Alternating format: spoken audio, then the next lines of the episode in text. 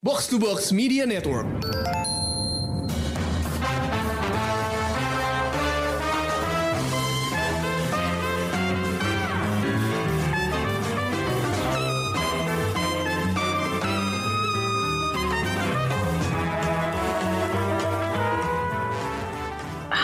Pendengar Showbox, balik lagi bareng gue Amy dan kali ini gue bakal ngebahas sebuah serial yang sepertinya udah banyak ditunggu sama para penggemar Showbox, yaitu HBO's House of the Dragon.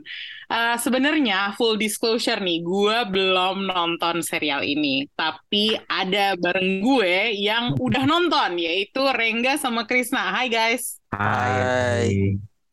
Oke, uh, masuk ke dalam uh, cerita dari serial ini. Uh, gue tahu sedikit banyak tentang serial ini sejak akhir uh, dari Game of Thrones uh, season 8, season terakhir.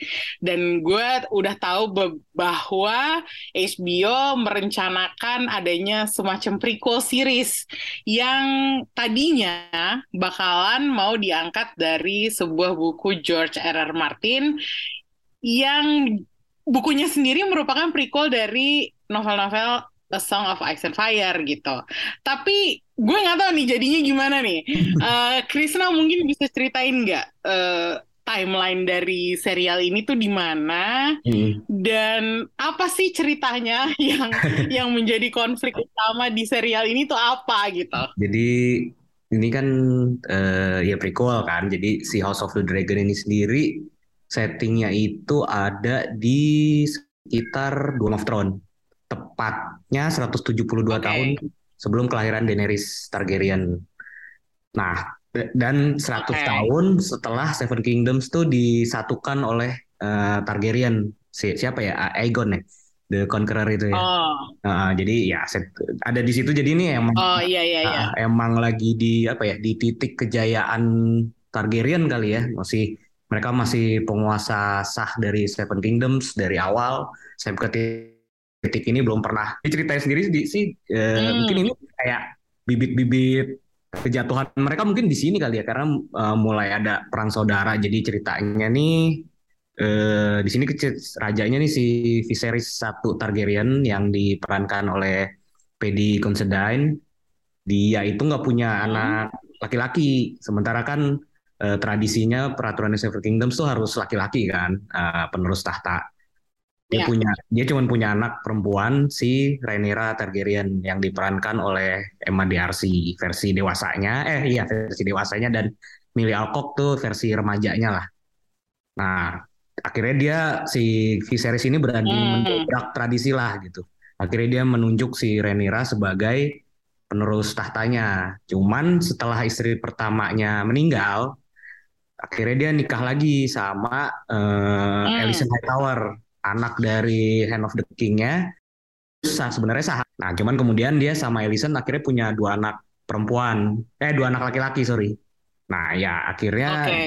dari sini mulailah ada bibit-bibit perebutan tahta karena si si bokapnya Alicent si Otto Hightower ini nih ngompor-ngomporin lah biar biar ya diserahkan ke yang seharusnya gitu anak laki-lakinya anak laki-laki pertamanya gitu ya terus ya udah dimulailah konfliknya dari oh, situ. Oh oke okay. menarik juga ya jadi beneran perang saudara banget ya kayak beneran yeah. siblings gitu mereka kakak yeah. beradik gitu. Iya sebenarnya iya uh, inilah half brother half sister lah. Iya iya. Oke okay.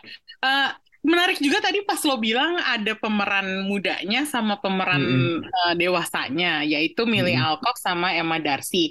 Yang gue mm -hmm. tahu pada saat penggantian pemeran itu orang-orang sempat kaget loh, Chris. Iya, iya. Gue kaget. Gue kaget. Juga gue kaget. Jadi lo gak tahu kaget. Iya, soalnya gue gak mencari tahu banyak tentang serial ini kan. Nonton nonton aja hmm. gitu kan. Tiba-tiba loh kok beda orangnya? Ternyata time skip. Ada time skip ya banyak. Kaget gua. Iya time skip tuh banyak tiba-tiba. Lah anaknya udah banyak Renira. Tiba-tiba. Terus anaknya udah gede tuh tahu iya anaknya udah gede. Gede mungkin ini juga kali ya karena si Millie Alcock tuh menurut gue sebenarnya lebih keren sih sebagai Renira. Iya gue suka pas dia jadi, jadi ini uh, Renira. Jadi, kayak ini fierce banget jelek, kelihatannya. Emma Darcy nggak jelek tapi kayak Eh sebenarnya kerenan si versi remajanya sih. oh oke. Okay. Berarti uh, mungkin mungkin gak sih karena apa ya lebih cocok jadi blonde gitu? Ya mungkin kali ya lebih cocok untuk maksudnya kita kan biasanya mungkin karena faktor Game of Thrones lah pastinya ya. Maksudnya Targaryen yang perempuan tuh kan yang mukanya sangar gitu kan. Ya hmm. mungkin emang lebih masuk ke si Emilia Alcock sih. Kayak mereka hmm. tuh apa ya dengan rambut putihnya tuh natural gitu loh. Iya benar. Nah, nah itu dia kan. Kelihatannya putih, iya, iya, itu sih ya putih natural aja gitu loh. Hmm. Malah kalau gue lihat dia berambut selain warna putih jadi sedikit janggal. kalau si Emma Darcy butuh waktu sih untuk melihat. Kalau gue pribadi ya butuh waktu untuk akhirnya bisa mengenali dia sebagai Renira yang gue kenal di sebelumnya di versi Millie Alcock gitu. Hmm, karena Millie Alcock cukup lama ya, tiga episode kalau nggak salah, tiga apa empat episode. lebih deh, kayak mereka berbagi rata deh, lima lima deh. Oh gitu, lumayan banyak dong berarti ya. Salah ya, gue lu agak lupa deh. Iya kayaknya sih, iya iya iya, lima lima hmm. rata berdua. Hmm. Jadi bisa dibilang ini, ini kisahnya adalah Renira sama Alisan. Iya sih, penggeraknya mereka berdua sih menurut gua. Eh, iya sih, jadi kayak perseteruan mereka uh, uh. sebenarnya ya. sama kayak Game of Thrones gak sih, di mana banyak banget karakter dari berbagai macam keluarga, atau ini uh, lebih sentral di satu keluarga, yaitu Targaryen ya memang. Cuman hmm. apakah ada karakter-karakter lain yang partisipasinya atau perannya cukup besar gitu di cerita ini? Ya ini kalau di sini sih mungkin karena memang Targaryen masih berkuasa penuh gitu ya. Jadi memang ceritanya fokus di Targaryen hmm. banget sih. Kalaupun ada dari house lain paling yang cukup uh, punya peran besar ya paling dari Velaryon atau dari Hightower. Karena End of the King-nya kan si hmm. Hightower, si Otto Hightower ini kan dan dia lumayan inilah lumayan banyak memainkan strategi biar anaknya bisa bisa menjadi ratu dan akhirnya cucunya bisa menjadi karakter utama utamanya oh. sih mostly ya berputar di Targaryen sih karena konfliknya pun perang saudara hmm. mereka sendiri kan hmm oke okay. berarti yang centralized aja kali ya iya. dibandingin serial aslinya gitu. Iya. Dan ini adalah sesuatu yang pengen gue bandingin karena nggak mungkin kita nggak ngebandingin sama serial iya. aslinya mm. yang Game of Thrones gitu. Iya.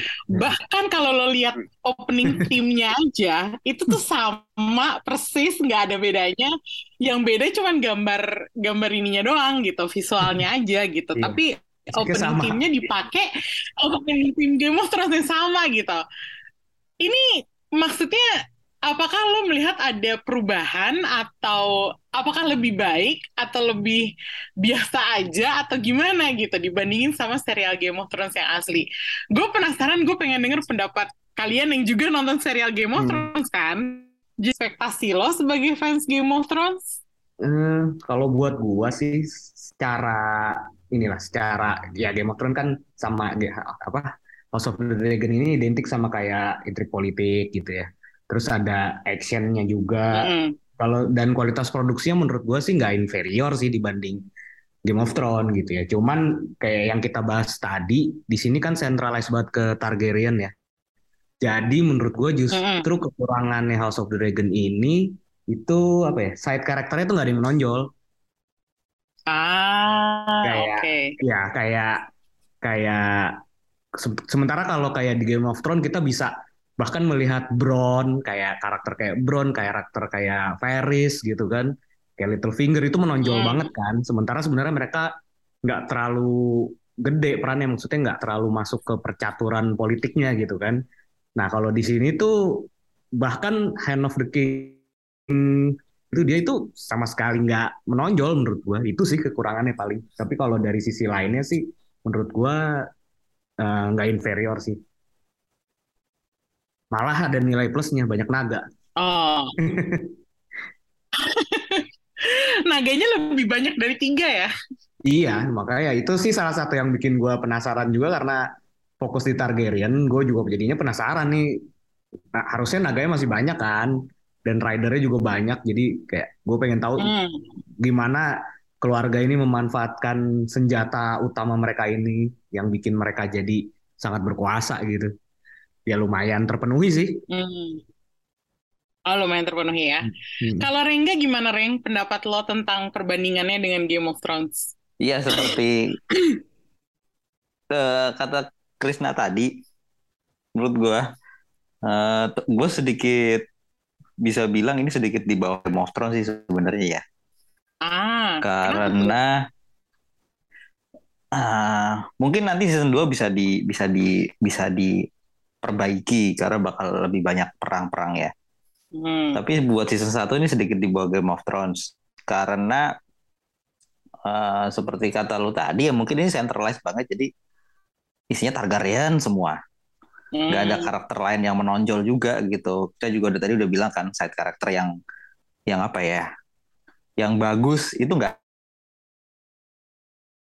ada gitu. Semuanya vokalisan gitu. Viserys hmm. paling anak-anaknya gitu karakter dari hmm. house-house yang lain tuh nggak nggak nggak kelihatan yang bisa kita eh keren nih karakter ini gitu nggak ada gitu hmm. bahkan karakter si ah. siapa siapa tuh yang dulu pelindungnya si Kristen Cole Re Renira Kristen Cole ya ah, itu kan juga jadi kayak wah keren nih iya. tapi lama-lama kok jadi culun ya gitu jadi nggak iya. keren iya gitu. iya bener Padahal dia ini loh, fakta apa trivianya satu-satunya karakter yang muncul di 10 episode. Oh gitu ya? iya. ya? Tapi gak penting. Tapi gak penting. gak penting. Makin ke belakang makin gak penting. Awalnya doang keren gitu kan, tapi hmm. lama-lama kayak ah nggak seru gitu. Terus juga karakternya menurut gue kayak ada ini kan jadi jadinya karakternya abu-abu semua ya menurut gue. Mm uh, nggak nggak ada satu satu mm. karakter atau satu keluarga yang kita bisa root banget nih. Kalau season satu Game of Thrones kan ada Lee nah, gitu yang keluarga paling boring gitu, gitu. kan. So, iya. Tapi kan kayak semuanya baik-baik yeah, yeah, gitu yeah. kan gitu. Oh baik-baik keluarganya hangat gitu kan. Kita bisa root root mereka banget. Nah di sini kan nggak ada kayak semuanya abu-abu gitu. Bahkan Renira Renira yang jadi protagonisnya sekalipun itu ternyata tidak sebaik itu gitu Alison yang awalnya wah terlihat gadis polos lugu gitu. oh, ternyata kan dia ininya, banget gitu. apa perkembangan karakter keren dia si Iya, tapi dua dua dua dua apa ya dua wanita itu sebenarnya yang karakter yeah. developmentnya bagus. Tinggal ngejalanin cerita gitu. Hmm. tapi itu juga jadi salah satu apa ya kekuatan dan kelemahan juga buat gua sih. Karena karakternya terlalu sedikit tapi justru duanya terlalu menonjol gitu hmm. nggak ada nggak ada apa ya main dishnya enak tapi yeah. side dishnya kurang gitu oke uh. boleh boleh boleh tapi yang yang paling yang yang yang masih banyak yang banget tuh seperti kata Chris tadi dragons many dragons. Oh. Berarti kalau gitu bisa Semua orang masih pengen ya? lihat gue termasuk gue sebenarnya. Berarti daya tarik utamanya bagi kalian berdua adalah di dragonsnya. Ketika ya, ketika ngomongin ya. Targaryen di masa jayanya otomatis naganya daya tarik utama lah. salah satu dari ya. utama. Tapi bukan karena kalian ngefans sama keluarga Targaryen beneran kan? Maksudnya uh, kayaknya dari Game of Thrones kayaknya gue nggak dapet kesan banyak banget tentang kekuatan keluarga iya. Targaryen gitu. Iya betul. Iya itu iya, kan. Betul. Di Game of Thrones kan tinggal Daenerys gitu kan. Sebelumnya sempat yeah. ada kakaknya kan siapa ya? Lupa gue namanya Viserys ya. Viserys yeah. ya. Ya, cuman kan culun gitu kan terus ya Daenerys doang ya gue nggak nggak mengidolakan house ini sih memang cuman ya itu kan hmm. kita udah ngelihat gimana Daenerys dengan tiga naganya bisa ngacak-ngacak satu bukan cuman Seven Kingdom gitu kan hmm. semuanya diacak-acak sama dia gitu yeah. ya, ya gue pengen tahu aja sih gimana kalau ya itu makanya ketika Targaryen perang saudara sama-sama punya naga kayak apa nah, collateral damage betul battle battle the battle of the dragon itu kayak gimana? Pasti penasaran kan? Iya. Ada gak sih adegan dengan naga yang bikin lo terkesan sejauh ini di uh, season 1 House of the Dragon? Sebenarnya nah, tuh, gue belum nonton semua soalnya. Sebenarnya okay. uh, untuk pertarungan antar naganya sih belum belum sempat ngelihat banyak ya. Tapi memang di ujung banget yang akhirnya ya kejadian yang akhirnya benar-benar memicu ini perang gitu itu keren sih ada ada pertarungan dua naga gitu lah antara eh, naganya Lucerys sama eh, Aemon ya Aemon Targaryen itu brutal sih Oh. Cuman ada di episode terakhir tapi gue ngelihatnya cukup cukup cukup puas sih. Apalagi kan bertarungnya di beneran di udara gitu kan, aerial battle gitu. Mm. Walaupun nggak imbang ya. Karena yang satu gede banget. Ah. Naga paling okay. gede. Hmm. Berarti harus nunggu sampai terakhir banget dong, Chris. Untuk kalau untuk untuk battle iya sih, kalau untuk battle naga yang antar naganya ya itu hmm. di ujung banget sih. Tapi di di apa di momen-momen episode sebelumnya kan udah ada beberapa saat kan yang naganya nyapu pasukan gitu-gitu kita udah bisa lihat lah gitu. Hmm. Atau ketika uh, latihan jadi rider atau apa kayak uh, gimana cara Oh, oke. Okay. Hmm. Oke, okay. nih kalau kita ngomongin keluarga Targaryen, satu hal yang uh, ter apa ya? Tersimpan di otak gue itu nggak hanya dragonnya, tapi soal incestnya. Dan di sini ada satu, udah ada adegan yang waktu itu bikin lumayan ribut ya. Maksudnya hmm. warganet tuh udah kayak koar-koar yang di luar negeri uh, tentang apa namanya um, Renira sama pamannya yang akhirnya jadi suaminya gitu. Suaminya. Unsur unsur incestnya tuh lumayan besar gitu loh yeah. di iya. di ini. Hmm. Uh, kalau pandangan lo tentang incest di serial ini di House of the Dragon ini itu gimana? Apakah sekarang dengan udah kita ngelihat Game of Thrones ya akhirnya udah hmm. jadi biasa hmm. atau malah makin menggal gitu hmm. gitu loh? Uh, mungkin karena dulu udah nonton Game of Thrones ya. Dulu waktu nonton Game of Thrones sih gue lumayan shock ya lumayan shocking moment. Dan itu justru bukan dari Targaryen kan? Dari si ya, Lannister. ya dari Lannister. Tapi ya ya oke okay lah ternyata dunianya memang sekacau itu gitu. Jadi sebenarnya sih udah lebih siap kali ya udah. Apalagi di sini ngomongin Targaryen kan? Kita udah tahu historinya kayak apa hmm. mereka di masa lalu kayak. Sebenarnya udah lebih siap sih. Cuman pas akhirnya adegan si Rhaenyra dan Daemon itu muncul tetap hmm, tetap disturbing sih tetap agak mengganggu sih. Oh, iya okay. mengganggu Maksudnya, tapi paling enggak enggak ini sih. Ke, enggak apa? Enggak apa? Enggak enggak satu garis gitu loh paling enggak. Iya. Enggak satu garis keturunan gitu. Kalau ini bukan kandung gitu kan benar-benar kakak adik gitu. Oh, ini kan tetap aja sih gitu. Ini tetap aja sih. Ya, kalau ngomongin House of the Dragon, di luarin saya sebenarnya ada satu hal sih yang lebih mengganggu gua, yaitu ketika ada beberapa Yaitu? perjodohan, ada beberapa perjodohan yang melibatkan anak-anak. Oh my god. Iya. Oke. Okay. Jadi ya adalah satu. Gue sebenarnya enak ya mau iya, cuman itu, ceritain itu, deh. Itu justru yang lumayan mengganggu gue sih kayak ada apa satu momen kan ketika si Viserys ini istrinya meninggal jadi kan banyak house-house lain lah yang kayak men, apa ya menyon, menawarkan perjodohan gitu kan. Nah salah satunya itu kan uh, dari House Velaryon kan yang memang masih punya kekerabatan dekat lah gitu sama Targaryen. Yang kebetulan sepupunya juga jadi istrinya pemimpinnya Velaryon gitu kan. Nah sempat kayak si Viserys ini dijodohkan sama anaknya kecil dan sempat ada inilah sempat ada adegan kayak lagi PDKT gitu lah terus kayak anjir creepy banget. PDKT anjir. Iya iya kayak itu kayak ini gitu. tau gak ah. kayak taruh iya tapi ya taruh bener. Kayak taruh bener. Tapi untungnya ya untungnya Viserysnya nggak jadi sih. Viserysnya juga ngerasa aneh sih. Iya. Iya Viserysnya lebih ini sih. Sadar sih dia juga set bocil gitu kan. Jadi itu nggak cuma sekali. Kalau menurut lo kan gimana ada beberapa adegan yang kayak gitu. Iya. Creepy sih. Buat lo mengganggu dan itu nggak? cuma apa mengganggu buat gua. dan itu gak cuma sekali kan. Ada oh. uh, uh, ada adegan juga yang kayak si renderanya kayak semacam apa ya? Apa ya bahasa halusnya ya di dijajakan apa dijajakan. Di, di jodohin ada, ada sebuah dijodohin dijodohin ya ampun.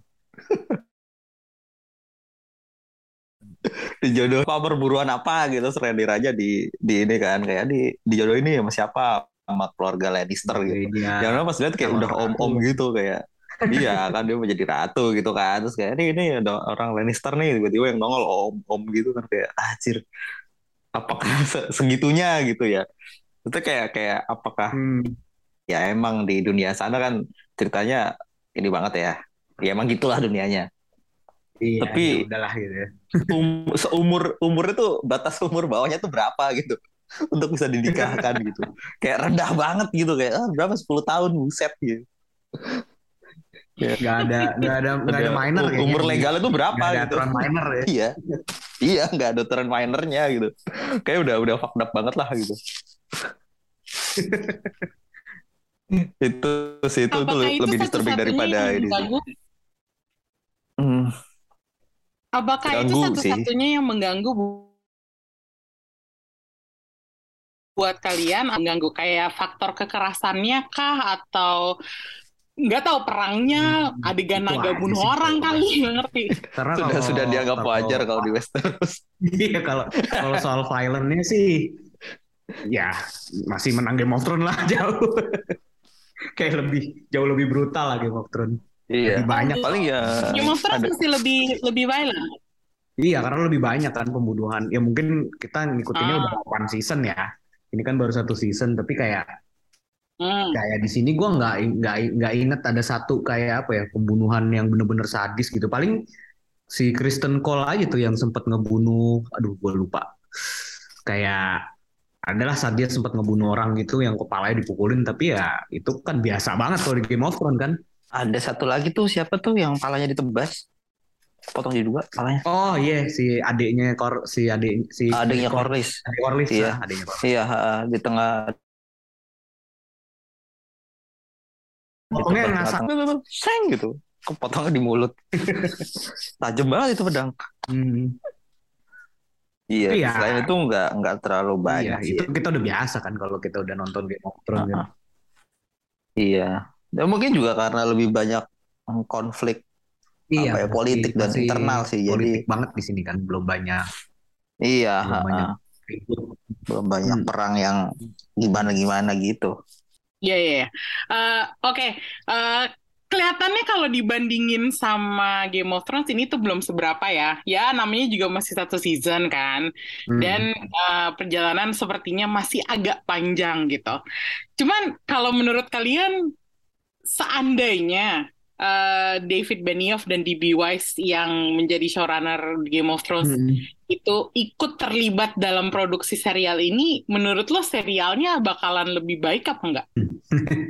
hmm, enggak juga kan, sih. Enggak juga, juga ya. Soalnya ya, kan ya, karena, karena waktu pertama kali diumumkan, mereka berdua tuh kayaknya udah beneran males gitu ngurusin Game of Thrones. Kayak udah, udah pengen capek ya, cabut. Ya, season. Ah, udah capek gitu de dengan dengan sikap seperti itu mereka tentunya nggak terlibat di sini jadi apakah keterlibatan serial ini jadi lebih baik atau lebih spektakuler atau enggak gitu Iya sebenarnya menurut gue sih bisa iya bisa enggak gitu ya tapi kayaknya emang mendingan tanpa D&D ini sih biar lebih fresh juga kali ya kayak hmm. di Game of Thrones kan cukup terasa kan agak penurunannya di season terakhir tuh kan ya mungkin itu mereka juga udah udah capek kali ya Hmm, oke. Okay.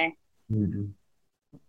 Dan ini setahu gue ceritanya tuh beneran pure dibikin sama tim penulis ya, bukan dari novelnya George R. R. Martin.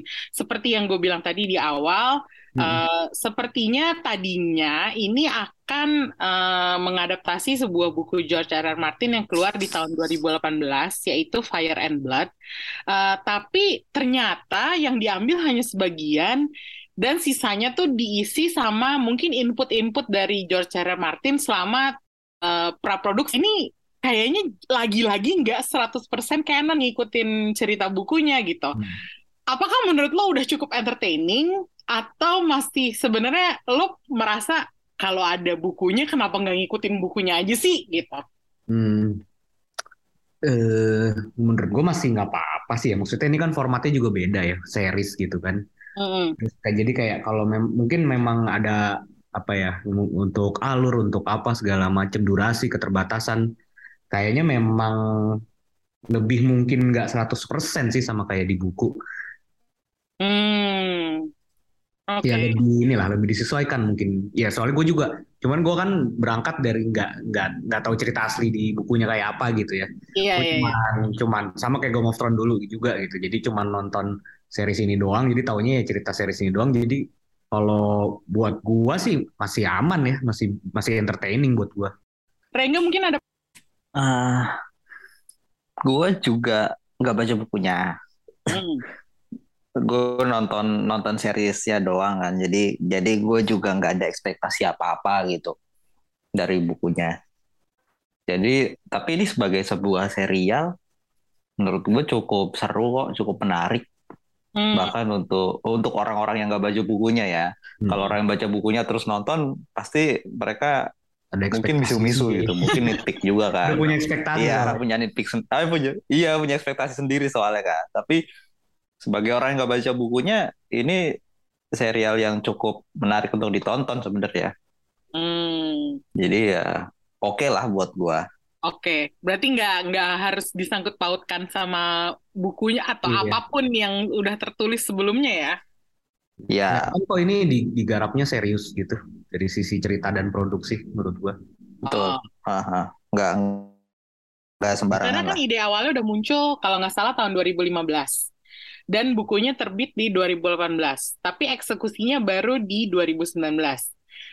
Tayangnya tiga tahun kemudian dari 2019, yaitu di 2022. Mm-mm. Dan kabarnya udah dapet renewal buat season 2. Tapi renewalnya nggak tayang segera, nggak tayang di 2023, tapi di 2024.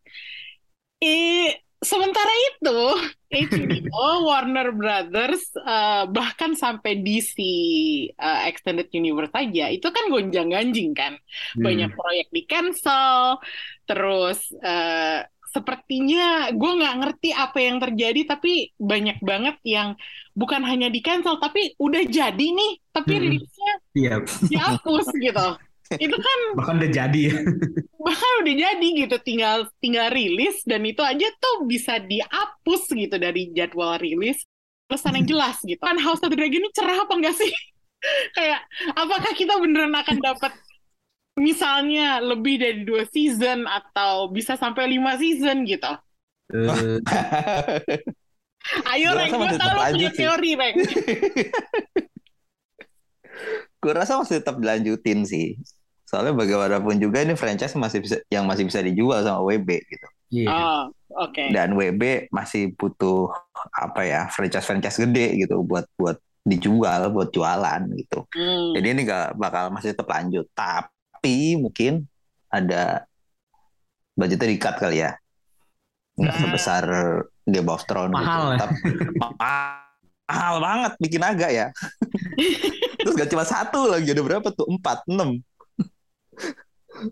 Tapi kalau mau ngekat budget juga mungkin mereka harus mikirin cerita baru soalnya kan Iya, buat season justru harusnya malah budgetnya nambah kan. iya harusnya jor-joran gitu tapi kemudian company-nya gonjang-ganjing jadi pusing Ya, pasti mungkin- nih Mungkin itu sih makanya mereka ngasih ini kali ya, ngasih jadwal rilisnya tuh kayak masih masih Oh, jauh iya. gitu. Kayak benar-benar mungkin itu juga ya kayak nyari biar- duit dulu lah Iya.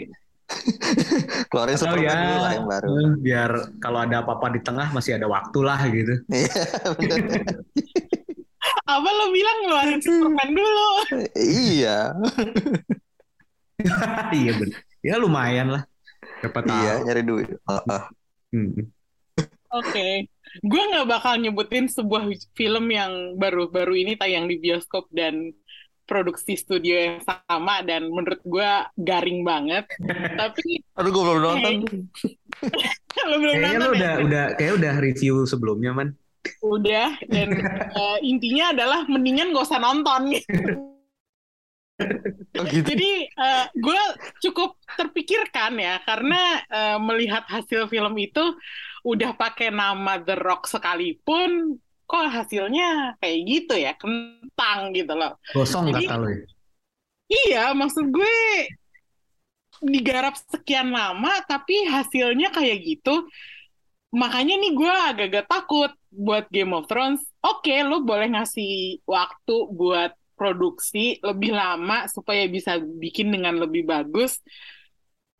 Tapi kelamaan juga kalau menurut gue nanti bassnya tuh udah hilang gitu Tapi loh. Tapi dulu Game of Thrones tuh rata-rata jedanya berapa lama ya gue lupa. Ada yang dua tahun, tahun juga kan? Ada, ada, tapi nggak satu ya? setengah tahun sih, satu setengah tahun. Satu setengah sih. tahun ya. Hmm. Uh -uh. Jadi nggak nggak gitu nggak gitu panjang banget gitu. Hmm. Jadi jedanya tuh uh, nggak nggak bikin kita sampai udah lupa gitu. Nah, kalau yang gue denger dari ulasan kalian tadi, ini tuh karakternya tuh nggak banyak yang bisa di apa ya, bisa di di elukan gitu kan karena hanya dari satu keluarga dan karakter sampingannya nggak banyak yang menarik gitu. Mm -hmm apakah efeknya jadinya nanti orang-orang bakal cepat lupa gitu. Iya sih. Itu 2024 pun paling cepat kan? Iya, paling cepat 2024. Belum lagi kalau misalnya ada ternyata ada delay gitu iya. kan. Ya iya itu sih resikonya sih. Kesinambungannya hmm. belum mungkin karakter beberapa karakter yang masih remaja kalau kelamaan ntar keburu ini kayak Brandon kegedean. Oh iya benar juga. Hmm. Nah, itu dia. Makanya kok kayaknya gue merasa Waduh, dulu jangan nunggu nunggu itu, ya? kayaknya mendingan jangan di jangan banyak ekspektasi, jangan jangan berharap banyak gitu loh, karena kita lagi beneran nggak tahu nih situasinya yeah. HBO dan Warner Bros gitu, karena ya internal company-nya sih ya. Iya itu dia itu dia. makanya gue jadi agak-agak takut makanya ini apakah bisa lanjut terus. Dan nih ya kalau misalnya kita boleh ngebandingin kan ada satu serial fantasi lain yang main selama uh, House of the Dragon tayang. Ini saingannya beneran head to head yang satu Tolkien yang satu George R. R. Martin gitu. Dan Rengga juga nonton serialnya yang di Amazon Prime yaitu Rings of Power. Ini Reng, gue pengen tanya deh, secara pribadi, mana yang lebih lo suka dan mana yang masa depannya lebih menjanjikan? Kalau mau melihat masa depan ya, terawangan gue harus apa Ring of Power lebih cerah sih. Oh. Tapi Amazon Prime duitnya lebih banyak, Reng. Ya iya. Kan gue bilang lebih cerah makanya. lebih jor-joran Prime lagi lagi budgetnya lagi banyak nih kayaknya. Makanya gue rasa Ring of Power daripada House of the Dragon. Dan dari hmm. segi apa serial juga kemarin gue nonton Ring of Power duluan sih. Akhirnya House of, the, House of Dragon gue tinggalin di tengah-tengah. Jadi gue ngikutin Ring of Power duluan karena jujur produksinya bagus gitu. Dan itu apa ya menarik buat gue gue lebih suka gitu ah, dan dan dan apa banyak adegan battle-nya Ring of Power hmm. yang season 1 gitu. Nah, House of Dragon kan politikal banget, kadang jadi jadi dragging dan boring gitu kayak ah capek nontonnya gue nonton Ring of Power aja dulu deh gitu. Eh terus ternyata kan nonton Ring of Power kan. Hmm. Walaupun dengan segala kenegatifannya ya. Kejelekannya ya. Tapi tetap gue nonton sih referensi terhadap review kita untuk Rings of Power bisa yeah. dengarkan sendiri. Kita banyak keluhannya, tapi kita hmm. akuin bahwa produksinya bagus gitu. Betul. Jadi kalau nih, gue juga pengen tanya sih, Ren, kenapa sebenarnya lo tiba-tiba berhenti tengah jalan nonton House of the Dragon gitu, dan malah akhirnya milih Rings of Power buat lo selesain duluan. Itu kan mulanya hampir mirip ya sama. Ya. ya sama ya. Seminggu doang kayaknya deh. Iya, beda, beda seminggu, seminggu ya. Hmm. ya. Itu jadi kayak balapan gitu loh gue nonton. gue oh. pertama nonton sama Dragon duluan kan. Wah seru nih gitu. Udah, udah episode tiga episode gitu kan. Ring of Power gue tinggalin dulu tuh. Gue belum nonton tuh pas awal-awal. Tiba-tiba kayak ceritanya rada rada rada dragging ya gitu. Terus gue nonton Ring of Power. Ah ini jika ceritanya kurang nih. Terus gue lanjutin lagi tuh House of the Dragon kalau makin dragging ya terus gue nonton House of the Dragon ya apa Ring of Power lagi episode 2 oh kok seru ya aku seru ya akhirnya aku nonton Ring of Power terus jadinya House of the Dragon ini ketinggalan gitu Kalau ceritanya lebih lebih apa ya banyak adegan serunya lah nonton ya Rings of Power? Hmm, belum sih. Oh, belum. Ada Hmm. rencana nggak, Chris? Ada sih gue suka Lord of the Ring ya, cuman mungkin kayak waktu sih karena lagi masih banyak tontonan lain juga jadi kayak karena apa ya? Gue kenapa kalau of Dragon eh gue nonton sementara itu enggak mungkin lebih karena Game of Thrones berasa lebih deket aja, maksudnya belum lama gitu. Jadi gue masih cukup Hmm. fresh dengan Game of Thrones gitu. Sementara kalau Lord of the Ring mungkin kayak gue udah udah lama banget gitu ya. Jadi jadi masih gue tunda gitu. Sekarang masih ya waktu waktu sih belum sempet aja sebenarnya. Tapi Hmm. tertarik jelas tertarik. Oh, oke. Hmm. Nih, menurut lo, Chris, kalau misalnya jarak antara serial ini sama serial Game of Thrones lebih jauh lagi, lo masih Hmm. tertarik nggak buat nonton? Hmm, mungkin gak tertarik ini sih, tapi kayak gue bakal nonton sih tetap, tapi ya mungkin nggak yang secepat sekarang gitu loh. Gue Ah. selesainya gue apa eh, setiap mungkin nggak kayak gitu sih. Mungkin ya kayak kayak Rings of Power ini, nunggu ada waktu doang gitu loh, nggak gue sempet sempetin. Oke. Hmm. Tapi berarti ini ya, Chris, lo uh, sudah punya bayangan akan season 2-nya. Lo pengennya apa yang terjadi tuh lo udah udah ada Ekspektasi. ekspektasi. Iya, iya sih. Pastinya Dan yang lo expect adalah perang. perang, perang, perang yang melibatkan banyak naga. Oh. Dan mungkin ya, dan ini sih sama keterlibatan house-house lain, house-house house-house lain yang belum punya banyak peran di sini gitu loh. Karena kan ketika perang saudara nanti kan sempat di episode-episode akhir kan si Ellison dan si Rhaenyra nih mulai bergerak mencari dukungan gitu kan. Ah. Kayak- kayak ada ke Lannister, ke ya macam-macam lah gitu yang ke termasuk ke utara juga yang yang house-house besar yang di Game of Thrones tuh kita udah tahu mereka tuh udah di sini kan belum ya penasaran juga sih pengen lihat kondisi mereka di saat itu sebenarnya kayak apa gitu. Hmm, oke. Hmm. Itu berarti wishlist lo buat season 2 ya untuk melihat house-house lain dan Iya. lebih banyak naga ya. Iya. Kalau Rengga ada nggak wishlist buat season 2? itu sih naga Naga lagi, naga lagi. naga lagi naga lagi kita kurang konten naga di dunia pertelevisian dan bioskop Bener juga sih Reng kata lo. Gue setuju, Iya gue kan? setuju bahwa kita kapan lu terakhir kali lihat ada naga di bioskop ada sih Eragon. Ghidorah ya Eragon lama banget. Anjir Eragon Oke. itu dulu apa Ring of, eh, Ring of Fire lagi sih Fire. itu? Ya, sudahlah of Fire iya iya sama Matthew McConaughey Oh, iya betul. Wah itu, itu keren lagi. Jelek sih. Hmm. gak jelek itu keren banget Iya. film naga pertama yang gue tonton Oke, intinya adalah kita butuh lebih banyak naga, Eh, nggak cuma di season 2 di eh, House of the Dragon, tapi di dunia pertelevisian dan perfilman secara umum. Betul. Thank you Rengga sama Krisna udah nemenin gue kali ini buat ngebahas House of the Dragon. Eh, meskipun bahasannya kita nggak terlalu mendalam banget ya, seperti dulu kita sempat ngebahas Game of Thrones eh, selama season 8 episode per episode kita bahas eh, secara tuntas gitu. Eh, maklum aja kita lagi nggak punya banyak waktu. Eh, tapi thank you banget udah dengerin. Kita ketemu lagi di eh, review berikutnya. Thank you, bye-bye. Nah. bye